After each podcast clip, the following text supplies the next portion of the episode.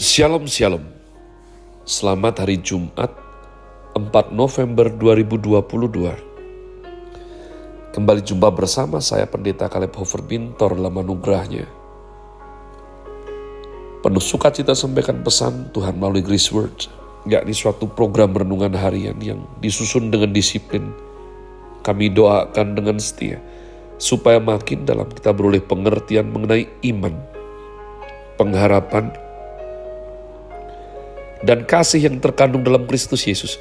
Sungguh besar kerinduan saya agar supaya kasih dan kuasa firman Tuhan setiap hari tiada pernah berhenti menjamah hati, menggarap pola pikir kita dan terutama hidup kita ini boleh sungguh terbukti berubah menuju Christ likeness.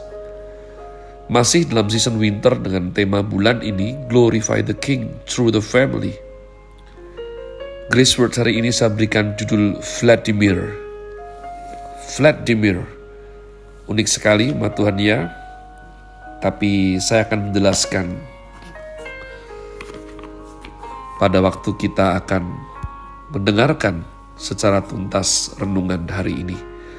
Markus 13 ayat 7 sampai dengan 8. Mari kita membukanya.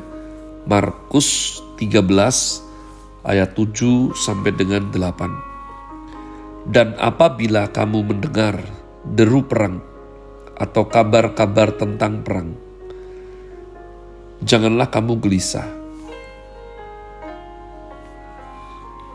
Semuanya itu harus terjadi, tetapi itu belum kesudahannya. Sebab bangsa akan bangkit melawan bangsa, dan kerajaan melawan kerajaan akan terjadi gempa bumi di berbagai tempat, dan akan ada kelaparan. Semua itu barulah permulaan penderitaan menjelang zaman baru. Umat Tuhan ayat seperti ini tidak favorit, ya, tidak populer, dikotbahkan oleh pendeta-pendeta terutama yang mengusung Injil kemakmuran tapi ketahuilah bahwa ini firman Tuhan. Selama firman Tuhan itu adalah pesan Tuhan yang harus disampaikan sama Tuhan. Maka saya selalu serukan walaupun ini khotbah bukan hal yang populer. Ya. Dan beberapa kali saya bahkan dikasih masukan oleh teman karena saya mengkhotbahkan mengenai kematian setiap orang itu pasti akan dipanggil pulang dan hey Sampaikan itu pada khotbah penghiburan saja. Jangan memakai istilah-istilah yang gak enak seperti itu di kehidupan normal umat Tuhan. Itu adalah yang saya baca di perjanjian lama.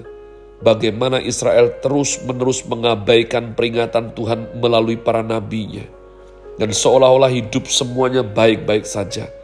Memuaskan hawa nafsu, mengejar apa yang bersifat material, mereka tidak suka, bahkan akhirnya pun Nabi Yesaya digergaji sampai mati. Nah, kenapa hari ini kita mempunyai tajuk Chris Words ini adalah Vladimir. Nama lengkap Presiden Rusia adalah Vladimir Vladimir Kovics Putin. Ya, terkenal dengan langsung Vladimir Putin. Vladimir Koriknya tidak dibaca. Sedangkan nama lengkap Presiden Ukraina adalah Volodymyr Oleksandrovich Zelensky. Yang menarik adalah Vladimir dan Volodymyr itu adalah kata yang sama dengan dialek yang berbeda.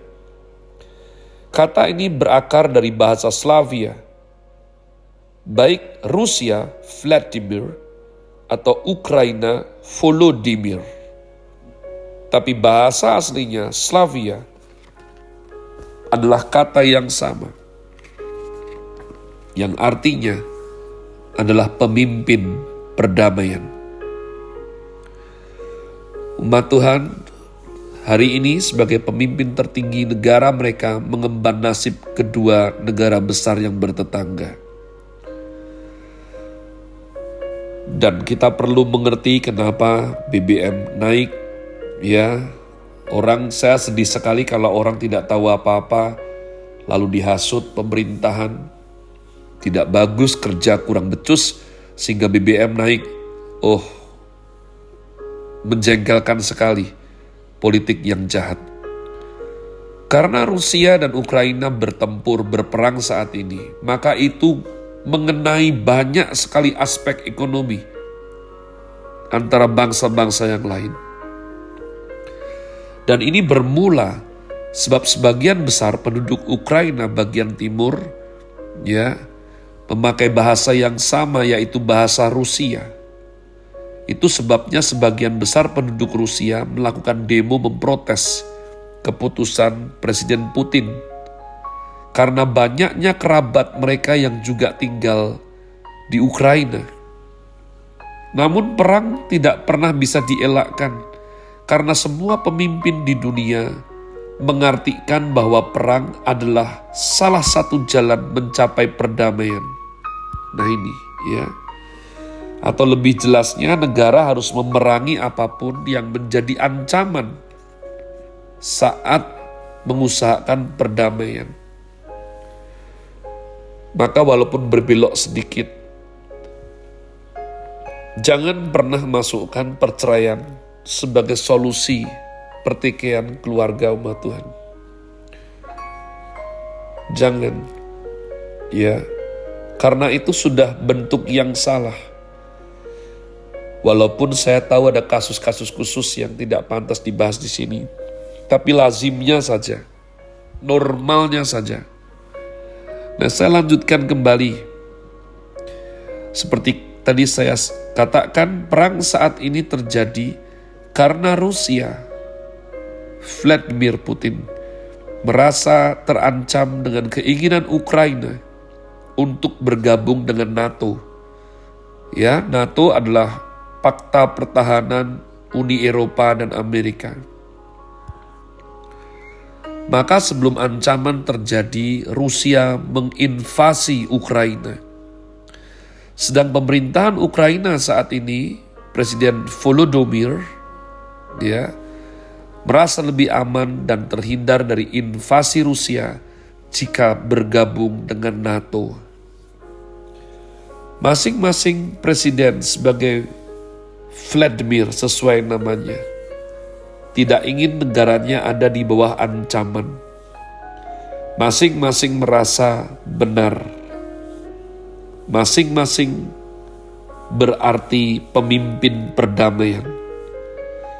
Tapi keputusan mereka berbuahkan peperangan. Jika perang tidak cepat berakhir dan perundingan tidak dapat dilakukan, segera maka akan terjadi dampak yang buruk bagi perekonomian dunia. BBM akan naik, harga gandum akan naik, resesi dunia akan terjadi. Dan perhatikan ini, jika perang meluas dan melibatkan NATO serta negara lain, maka perang dunia ketiga tidak terelakkan lagi Kehancuran global sudah di depan mata. Apakah dengan kehancuran global baru umat manusia akan tersadar? Umat Tuhan dulu saya tidak pernah berpikir hal-hal ini. Ya. Tapi sebagai orang yang belajar bijaksana, kita harus mengerti sejarah bahwa rakyat biasa seperti kita itu tiba-tiba seperti di Mogul misalnya, mereka langsung diinvasi oleh ISIS dan besok harinya mereka tidak percaya apa yang mereka lihat. Betapa banyaknya kepala digantung di traffic light masing-masing jalan. Percayalah saya sungguh tidak inginkan semua hal ini terjadi. Tapi sayangnya, firman Tuhan sudah menubuatkan mengenai apa yang akan terjadi di akhir zaman. Maka apa yang bisa kita lakukan adalah selama hayat masih dikandung badan. Bersyukurlah jika kita masih hidup dengan nyaman seperti sekarang. Nah umat Tuhan, apa yang sedang saya coba sampaikan adalah